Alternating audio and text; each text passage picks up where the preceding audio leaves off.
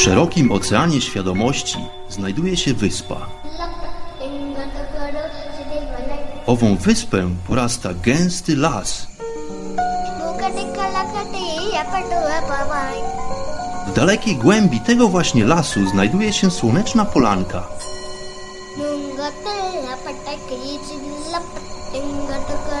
Przy tej oto polance w gorących promieniach słońca stoi sobie pewna magiczna chata.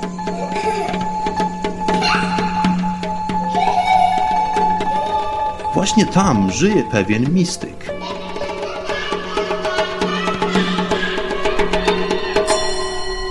Mam na imię Bart i zapraszam wszystkich serdecznie do wysłuchania programu Chata Mistyka.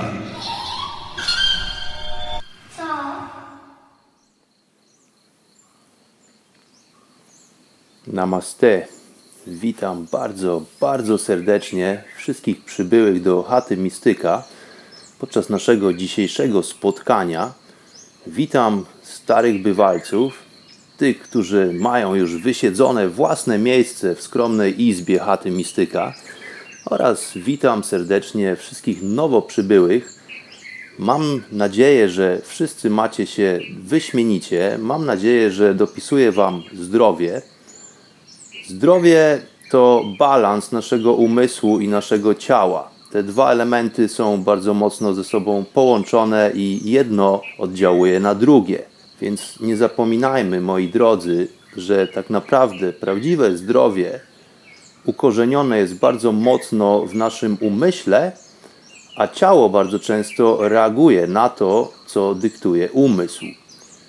Więc cała sztuka w chacie mistyka polega na tym, aby wypracować sobie pewną kontrolę nad naszym własnym umysłem, nad naszymi myślami, nad naszymi emocjami oraz nad całą naszą pulą energetyczną.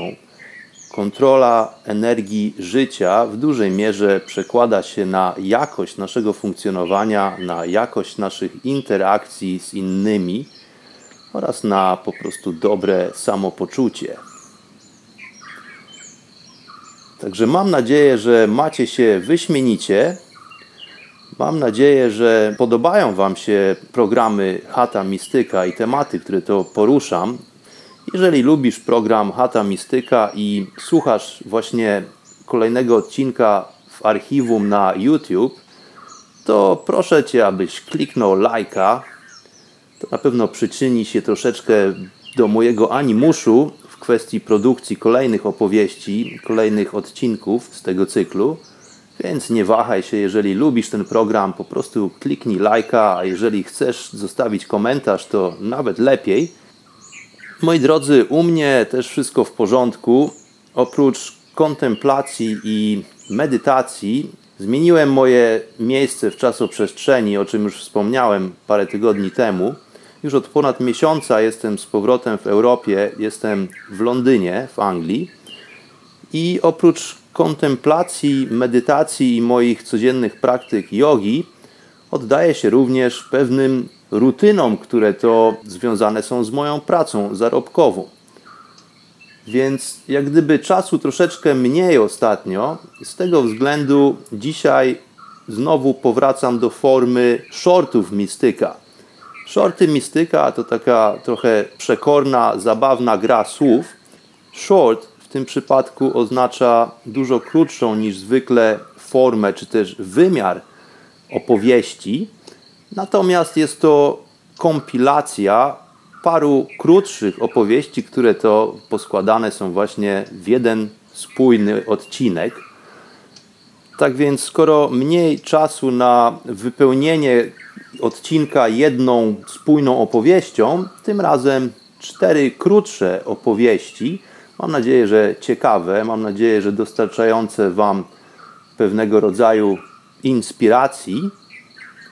Opowieści często bardzo spontaniczne, nagrywane w wolnej chwili, improwizowane, ale mam nadzieję, że właśnie dostarczą Wam troszeczkę inspiracji. Być może otworzą pewne podomykane zakątki naszego umysłu i skłonią Was do własnej samodzielnej pracy. Odcinek ten być może będzie parę minut krótszy niż zwykle, ale pojawi się również e, fragment muzyczny. Więc, żeby już więcej tutaj nie dokładać tytułem wstępu, zapraszam wszystkich do wysłuchania kolejnych shortów Mistyka.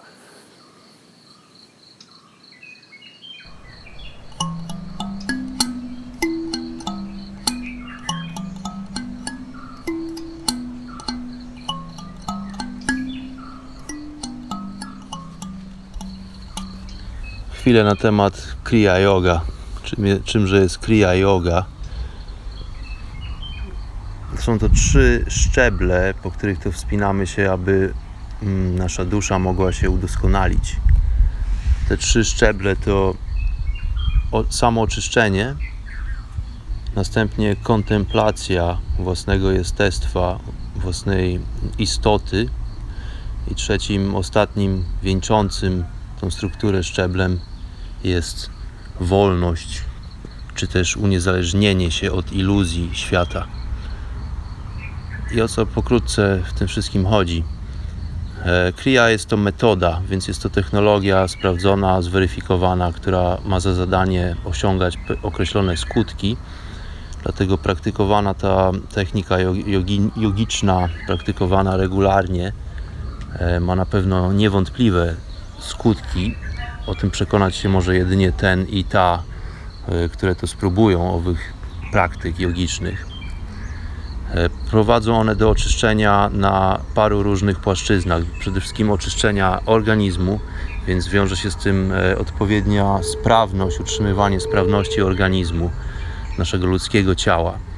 Oczywiście związana z tym jest odpowiednia praniczna dieta, dieta praniczna, czyli taka, która dostarcza swoistej energii życiowej, to jest to pożywienie, które to nie pozbawia naszego organizmu e, tak istotnej dla funkcjonowania naszego biologicznego skafandra sfery. E, więc jest to nie tylko odpowiednie utrzymywanie kondycji naszego organizmu, siły, sprawności oraz odporności, ale również jest to poparte właśnie odpowiednią dietą, tak zwana jogiczna dieta sattwik jest rzekomo tą najbardziej odpowiednią dla utrzymywania naszego organizmu w e, prosperującej, aktywnej formie.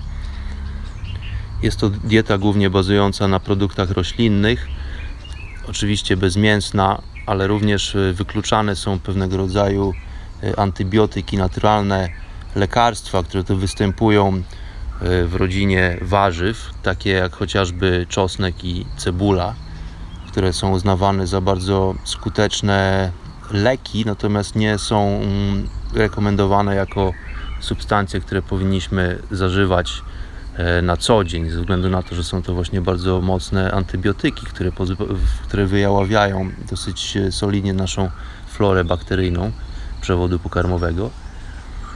E, więc dieta mm, oparta na takim pożywieniu, które się wchłania jak najszybciej, które nie pozostaje, nie zalega w organizmie i które dostarcza jak najwięcej puli energii do funkcjonowania.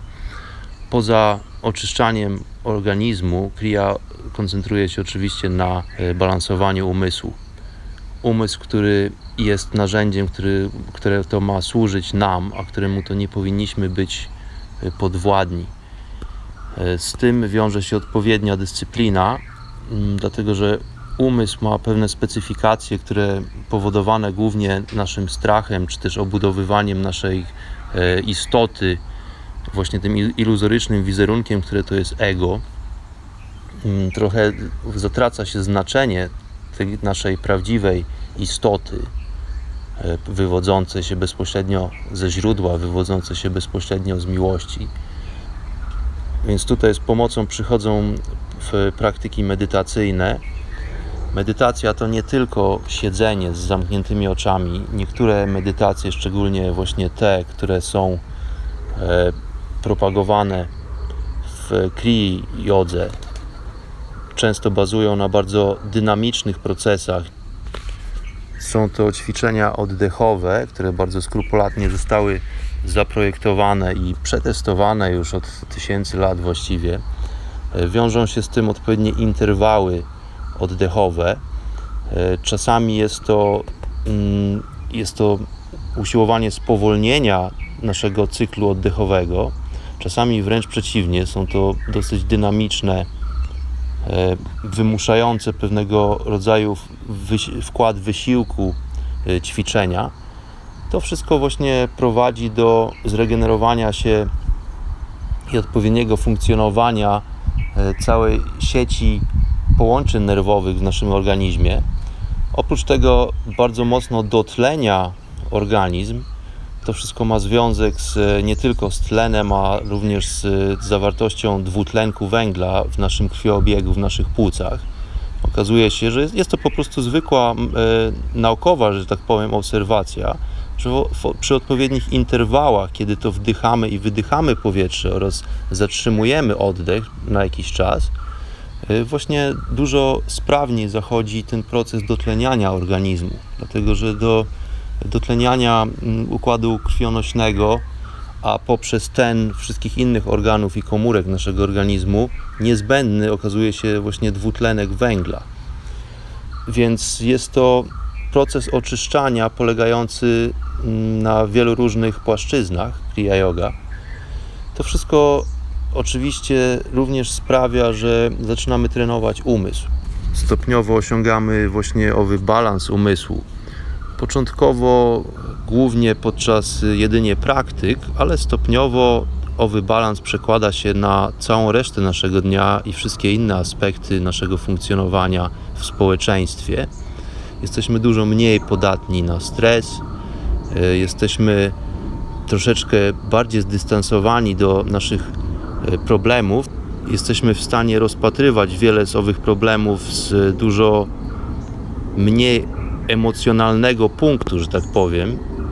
A to wszystko dzięki temu, że właśnie e, podczas praktyk zaczynamy stopniowo dystansować się do naszego ciała i umysłu, a, zacznie, a z drugiej strony zaczynamy bardziej dostrzegać i doceniać naszą energetyczną i naszą duchową sferę, która jest tak naprawdę dużą częścią naszej człowieczej istoty.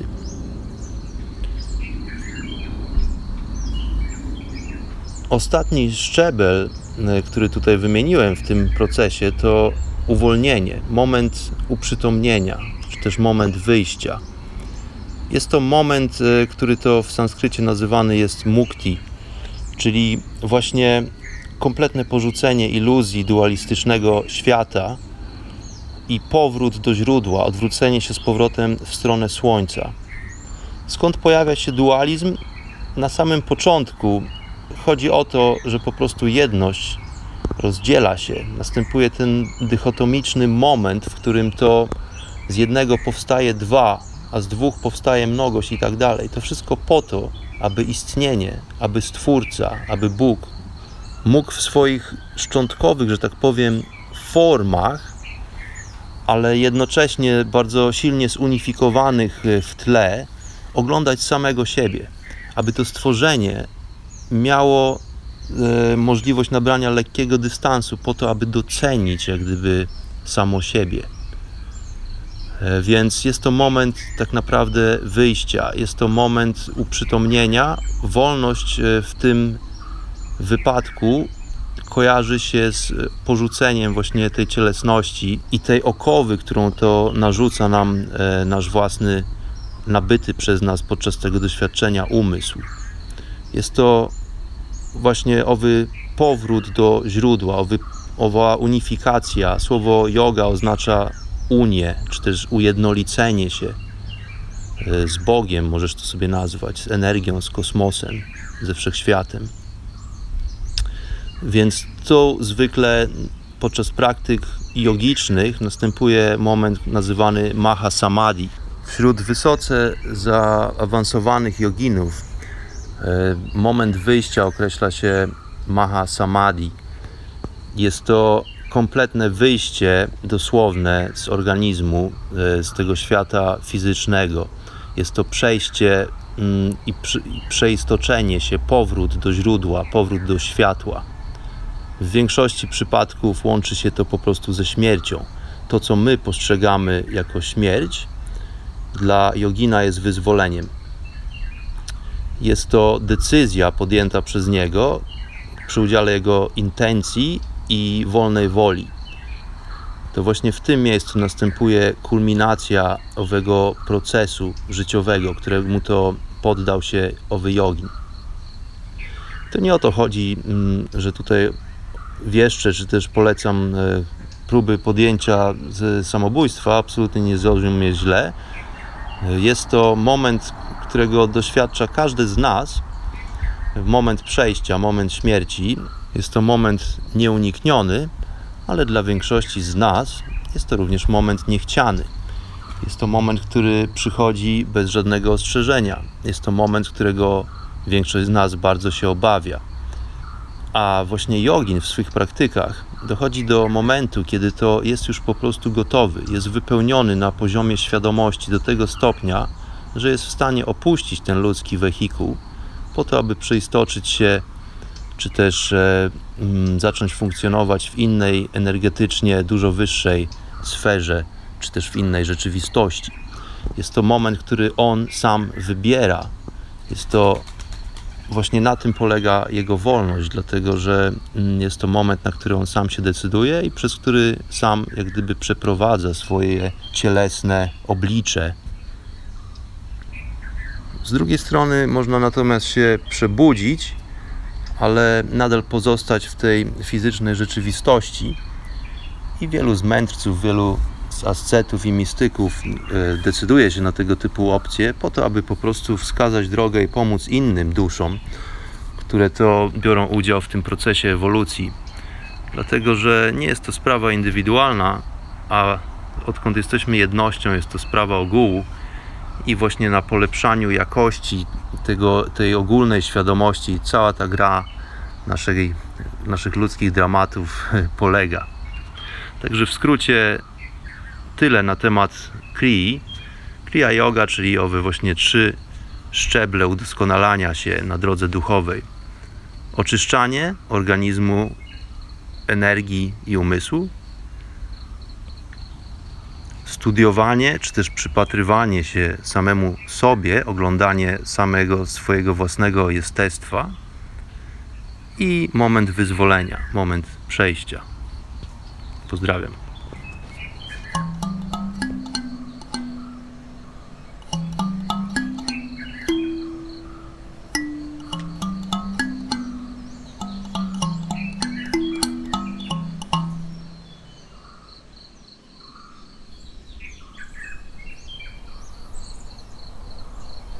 Pewnego chłodnego, wiosennego poranka, daleko, daleko pośród archipelagu wysp zwanych Japonią, pewien gnuśny i bardzo zły samuraj postanowił tego poranka udać się z wizytą do mnicha żyjącego w pobliskich górach. Historia mnicha osławiona była w okolicznych wioskach. Mnich słynął z udzielania naprawdę wyśmienitych porad na temat życia i tego, w jaki sposób funkcjonować. I znał rzekomo odpowiedzi na wszelkie nużące okoliczną ludzkość pytania. Więc tego dnia gniewny samuraj postanowił się udać do mnicha. Po wielogodzinnej wyprawie poprzez góry, pasmo górskie, dotarł do małej ascetycznej chatki, a tuż przed chatką zastał mnicha siedzącego w pozycji lotosu z wyprostowanymi plecami, medytującego. Samuraj bez chwili namysłu w swym codziennym obłędzie prezentowania swojej siły, krzepy i odwagi podszedł do mnicha i w zwykły dla niego na co dzień szorstki sposób zadał pytanie mnichowi bez wstępnych wyjaśnień. Powiedz mi, jaka jest różnica pomiędzy niebem a piekłem? Mnich powoli otworzył oczy, zobaczył przed sobą potężną sylwetkę wojownika w pełnym rynsztunku, w zbroi, w hełmie, z długim, tradycyjnym mieczem samurajskim wiszącym u jego pasa. Po czym uśmiechnął się do przybysza i powiedział łagodnie – ty, wielki wojownik, wielki gbur, śmierdzący sakę i przynoszący tu wszelakie inne brzydkie zapachy ze sobą, ty, wielki samuraj, którego miecz jest praktycznie zardzewiały, dlatego że nie posługujesz się swym kunsztem, przychodzisz do mnie, aby uzyskać odpowiedź na to pytanie? W tym momencie samuraj zjeżył się, napięły mu się mięśnie, oczy zaczerwieniły, dlatego że nikt nie odzywa się w ten sposób do szlachty, do samuraja, tego, który wynajmowany jest przez bogaczy do wypełniania bardzo skrupulatnych misji, którego to czyny opiewają pieśni, na którego z lękiem spogląda cała społeczność. Do niego nie mówi się w ten sposób. Więc ten potężny wojownik automatycznie zjeżył się, napiął wszystkie swoje mięśnie i w gniewie chwycił za miecz, który wyciągnął z brzdękiem metalu i zamachnął się dalece swoim samurajskim mieczem, aby w tym momencie zakończyć żywot i owy buńczuczny akt owego nieskromnego mnicha. Mnich patrząc samurajowi głęboko w oczy, wyszeptał tylko te słowa. To jest właśnie piekło. Samuraj zawahał się. Przez chwilę zwątpił, po czym kompletnie ogarnęło go poczucie bezradności. To jedno zdanie, które wypowiedział mnich, było tak dosadne, skierowane bezpośrednio w stronę prawdy, uzewnętrzniało ową prawdę w tym właśnie momencie. Było nie do podważenia. To był właśnie ten stan, w którym to tkwił samuraj przez cały ten haniebny czas swojej kariery w jednym momencie stopniał, uświadamiając sobie, że jest to być może ostatnie zdanie w życiu mnicha, że owy skromny tak naprawdę mnich postanowił wrzucić na szale tak potężną wartość jak swoje własne życie, tylko po to, aby gnuśnemu samurajowi udzielić lekcji. I to właśnie zrozumiał potężny wojownik. Więc padł na kolana teraz uprzytamniając sobie cały potężny ogrom sytuacji, w tym momencie samuraj uprzytamnia sobie, że ten oto skromny mnich jest w stanie zaryzykować swoim własnym życiem, aby przekazać ową naukę jego przepełnionej złością postaci. Tym momencie dostrzega właśnie współczucie i miłość, którą emanuje mnich odrzuca na bok miecz i pada na kolana, kłaniając się przed stopami mnicha. Mędrzec odrzekł, a to jest właśnie niebo. To było właśnie dopełnienie lekcji, po którą przyszedł samuraj. Lekcja tak dosadna, że nieodmowna lekcja, aby której udzielić, mędrzec postanowił zaryzykować swoje własne życie, swoje własne istnienie w tym świecie, w tym stworzeniu, aby pomóc innej istocie w przełamaniu iluzji i w zrozumieniu prawdziwego i magicznego sensu życia. Namaste.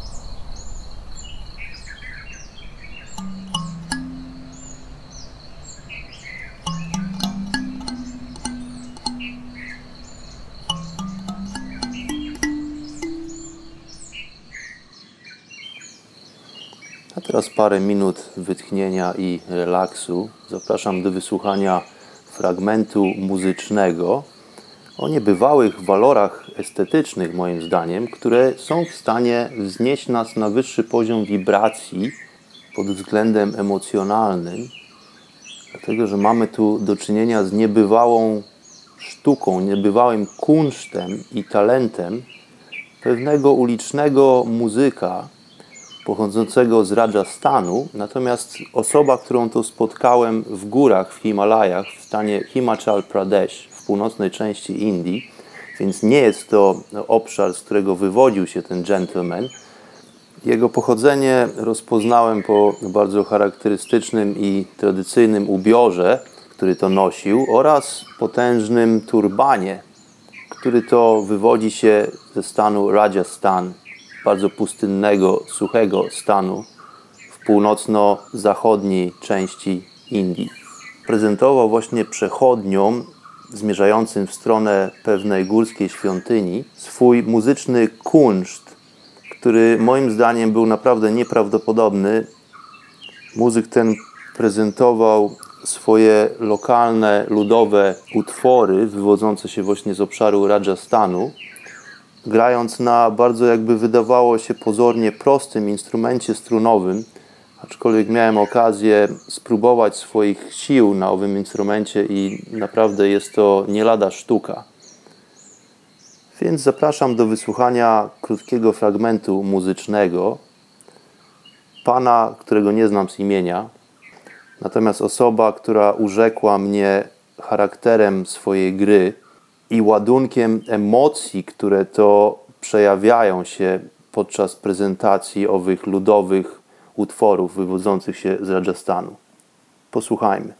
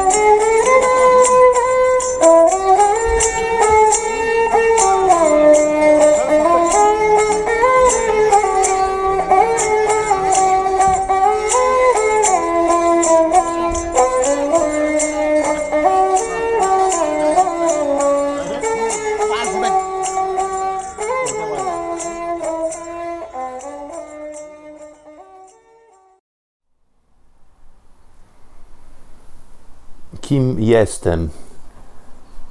Czasami e, znajduję się w sytuacji, kiedy nieznajoma osoba pyta się mnie, kim jestem. To pozornie proste pytanie, bardzo często jednak skłania mnie do dosyć e, głębszych rozważań na ten temat. I przyznam się szczerze, że bardzo często mam ochotę w dosyć psotny sposób odpowiedzieć bardzo dogłębnie na to pytanie, aczkolwiek zdaję sobie sprawę z tego, że mój nowo poznany czy też nowo napotkany rozmówca nie do końca być może jest w stanie sprostać e, dogłębnej odpowiedzi, którą, którą chciałbym wystosować pod względem pytania, kim jestem. Ale właśnie to pojawia się często w mojej myśli, aby w zadziorny, psotny sposób wyjaśnić tej osobie, kim jestem. No bo skoro nieznajoma osoba pyta się ciebie, kim jesteś, to jakie odpowiedzi właściwie oczekuje? Czy kiedy słyszę pytanie, kim jesteś, powinienem przedstawić się z imienia, z nazwiska? czymże właściwie jest moje imię, nazwisko. Jest to jakaś przynależność symboliczna, którą utożsamiam sobie od dzieciństwa, odkąd rodzice nadali mi imię Bartek. Utożsamiam sobie w pewien sposób z samym sobą, aczkolwiek e, zdaję sobie również doskonale sprawę z tego, że ja nie jestem przecież imieniem i nie jestem nazwiskiem. Więc ten zbiór liter, e, które w postaci głosek tworzą pewne znaczenie słowa, które to utożsamiam sobie z pewnym modelem odbioru rzeczywistości, w której to funkcjonuje. Wydaje się, że mogłoby być tutaj jednym z e, rozwiązań tego konfliktu wewnętrznego, który to we mnie zachodzi. Natomiast czy ja jestem tym samym Bartkiem, który e, dostał imię, kiedy był dzieckiem? Właściwie od 16 lat nie mieszkam w Polsce i ludzie zwracają się do mnie dużo częściej Bart raczej niż Bartek. Więc e, czy jestem obecnie Bartem, czy jestem tym samym Bartkiem z dzieciństwa? Właściwie co to jest moje dzieciństwo i co to jest całe moje życie? Kiedy ktoś pyta się mnie, kim jestem, czy powinienem przedstawić mu w skrócie albo być może bardziej dogłębnie e, moją biografię, wszystkie aspekty, które uformowały mnie jako osobowość, jako wizerunek, który to kultywuje na co dzień, będąc zaangażowanym w interakcje rodzinne czy też społeczne? Czy kiedy osoba nieznajoma pyta się mnie, kim jestem, oczekuje odpowiedzi dotyczącej tego, skąd przybyłem, być może jaką funkcję pełnię, jeżeli następuje to w godzinach mojej pracy, to mógłbym domyślać się, że osoba ta pragnie dowiedzieć się, jaką firmę reprezentuje, jakie usługi czy też e, świadczenia oferuje owa firma, skąd przybywam i jaki jest mój cel w tym konkretnym czasie. Natomiast jeżeli e, jest to już po godzinach mojej pracy i ktoś e, przypadkowy, pozornie na ulicy spyta się mnie, kim jestem, oczywiście nie będę przedstawiał mu swoich kredencji, nie będę e, tłumaczył się z tego, jakie skończyłem szkoły, jaki proces edukacyjny przeszedłem i co doprowadziło mnie do tego momentu, kiedy to właśnie spotykam tą osobę na ulicy, bo przecież to nie o to właśnie chodzi w tym pytaniu. Więc o co tak naprawdę w tym pytaniu chodzi? Kim jestem? Pozornie bardzo błahe, proste pytanie, aczkolwiek jeżeli zastanowimy się, to odpowiedź tak naprawdę może być bardzo dogłębna. Kim jestem? Jestem tym, który nie osądza. Jestem tym, który nie ma upodobań czy niechęci. Jestem tym, który nie identyfikuje się z własnym ego, z własnym wizerunkiem, z własnym charakterem. Jestem tym, który nie kieruje się złością, strachem, nienawiścią. Jestem tym, który widzi. Jestem po prostu tym, który obserwuje. Jestem tym, który jest świadomy wydarzeń, myśli i emocji, które to przewijają się przede mną. Jestem tym, co właśnie doświadcza bycia człowiekiem. Jestem twórcą, źródłem i stworzeniem w jednym. Jestem jedynie świadomym odbiorcą rzeczywistości, a tak naprawdę również jej twórcą. Ale tu właśnie zwykle pojawia się wątpliwość. Czy o taką odpowiedź chodzi mojemu rozmówcy? Pozdrawiam.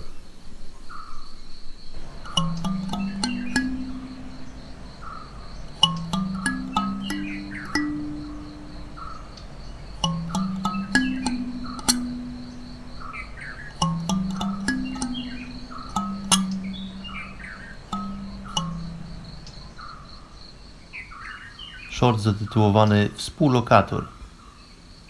Pewnym odcinku Chaty Mistyka zatytułowanym Narrator opowiadałem o pewnym gnębiącym i nękającym nas często wewnętrznym głosem, który to towarzyszy każdej akcji, w której to uczestniczymy. To jest ten nasz wewnętrzny narrator, ten uporczywie opisujący wszystkie sytuacje głos – to jest ta postać, która to werbalizuje wszystkie sytuacje, w których to bierzemy udział, wszystko to, co postrzegamy, to, co słyszymy, jest to zwykle bardzo skrupulatna interpretacja, czyli nadawanie opinii sytuacji, nazywanie rzeczy po imieniu inaczej, czyli określanie wszystkiego w kategoriach e, tego, co nam się podoba, czy też nam się nie podoba, to co lubimy, czy nie lubimy, są to również osądy dotyczące ludzi, wśród których się obracamy, których spotykamy na naszej drodze. Jednych lubimy, innych ignorujemy, a jeszcze innych po prostu nie lubimy. Więc proponuję teraz takie mentalne ćwiczenie jeżeli zdajesz sobie sprawę z tego, że istnieje owy narrator, który uporczywie usiłuje opowiadać tobie twoją historię życiową, to kim jest właściwie ta osoba, która sobie z tego zdaje sprawę, że owy narrator istnieje? To jest właśnie twoja prawdziwa istota. Ta istota, która to nie wydaje osądów, ta istota, która jest tylko obserwatorem tego modelu rozumowania, którym to posługuje się Twój wewnętrzny narrator. Dlatego, że umówmy się, nie jest to opis rzeczywistości, jest to interpretacja rzeczywistości według naszych własnych osobistych możliwości, czy też zgromadzonej w pewien sposób wiedzy, bazy danych. Więc e, zabawnie by było, gdyby owy narrator, którego to obserwujemy właśnie w tych różnych dziwnych akcjach, które to towarzyszą nam podczas naszego codziennego życia, ten wewnętrzny głos, który to nie daje nam zasnąć późno w nocy, czy jest to chociażby ten sam głos, który towarzyszy nam, kiedy prowadzimy samochód? To jest ten głos, który zadaje pytania, czy powinienem skręcić w tą ulicę w lewo, czy to jeszcze nie ta ulica? Być może coś mi się pomyliło, być może nie pamiętam drogi, czy na pewno jadę w właściwą stronę, i tak dalej. Jest to chyba doświadczenie, które jest znajome każdemu z nas. Jest to również ten sam głos, na który warto zwrócić uwagę podczas kiedy to chociażby bierzemy prysznic. To jest właśnie ten moment, kiedy to oczyszczane jest zewnętrznie nasze ciało, i w tym czasie nasz umysł, nasz wewnętrzny narrator dostaje troszeczkę ekstra czasu nad swoją właśnie nadgorliwą zwykle pracę. Więc polecam następnym razem, kiedy na przykład myjesz zęby albo właśnie e, bierzesz prysznic, zwrócić uwagę na ten szepczący, czy też być może krzyczący wewnątrz ciebie głos i w tym samym momencie uprzytomnij sobie również, kto tak naprawdę zauważa ten głos, kto obserwuje działania tego wewnętrznego narratora. A teraz, żeby było jeszcze zabawniej, posuńmy się o krok dalej. Wyobraź sobie, że owy wewnętrzny narrator jest taką samą fizyczną, biologiczną postacią jak ty sam, czy też ty sama. Więc teraz ten wewnętrzny głos siedzi tuż obok ciebie na kanapie, kiedy ty oglądasz telewizję.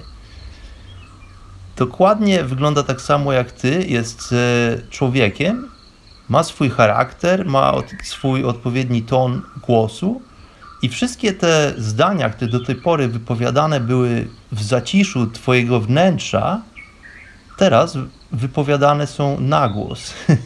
A ty właśnie próbujesz oglądać jakiś e, wciągający cię film lub inny program.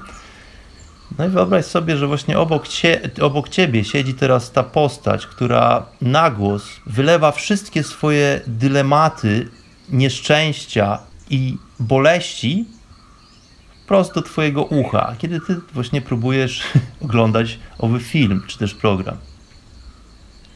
To jest właśnie twój współlokator.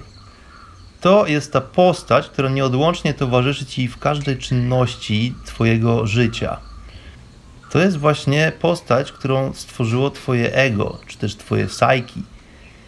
To nie jest kwintesencja twojego bytu, bo ta jest obserwatorem. Z pułapu obserwatora jesteś w stanie oglądać czynności swojego współlokatora. Jest to współlokator, którego nie da się wykopać z, z, mieszkania, jest to współlokator, którego nie da się zwolnić z pracy. Jest to współlokator, który towarzyszy tobie na okrągło i z którym to spędzasz najwięcej czasu, tak naprawdę, ze wszystkich możliwych interakcji z innymi ludźmi. Więc y, warto chyba zwrócić uwagę na to, że skoro tak się dzieje, skoro ten współlokator, chcąc, nie chcąc, zawsze towarzyszy w Twojej podróży, to dobrze by było, gdyby to był dobry współlokator. Dobrze by było, gdyby to był współlokator, z którym po prostu da się żyć. I tu zaczyna się tak naprawdę praca. Kiedy uświadomimy sobie, że ten wewnętrzny głos, ten nasz metaforyczny współlokator, da się tak naprawdę zaprojektować, da się wychować czy wytrenować, to możemy właśnie rozpocząć proces uczłowieczania tej zwierzęcej kwintesencji naszego rozumu, naszego wewnętrznego głosu umysłu. Do tego przyjdą nam z pomocą różnego rodzaju techniki, ćwiczenia, praktyki, ale zanim wstąpimy na tą drogę, musimy sobie przede wszystkim uświadomić, uprzytomnić istnienie tego współlokatora. Kiedy to rozpoznamy już istnienie tej, tego naszego wewnętrznego towarzysza, czy też towarzyszki, to warto się z tą osobą zaprzyjaźnić. Tylko w atmosferze przyjaźni będziemy w stanie modyfikować, zmieniać i udoskonalać jakość, a jednocześnie pozwoli to nam w dalszym rozwoju duchowym, sprawi, że zaczniemy pracować nad polepszaniem jakości naszego prawdziwego bytu i jestestwa. Pozdrawiam.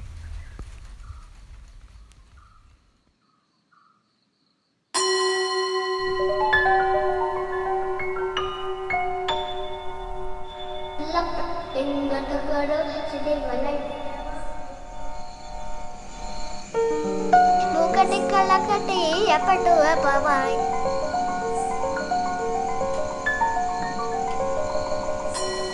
నుంగ పిల్ల పట్ట కీచిల్ల పట్టింగట కడ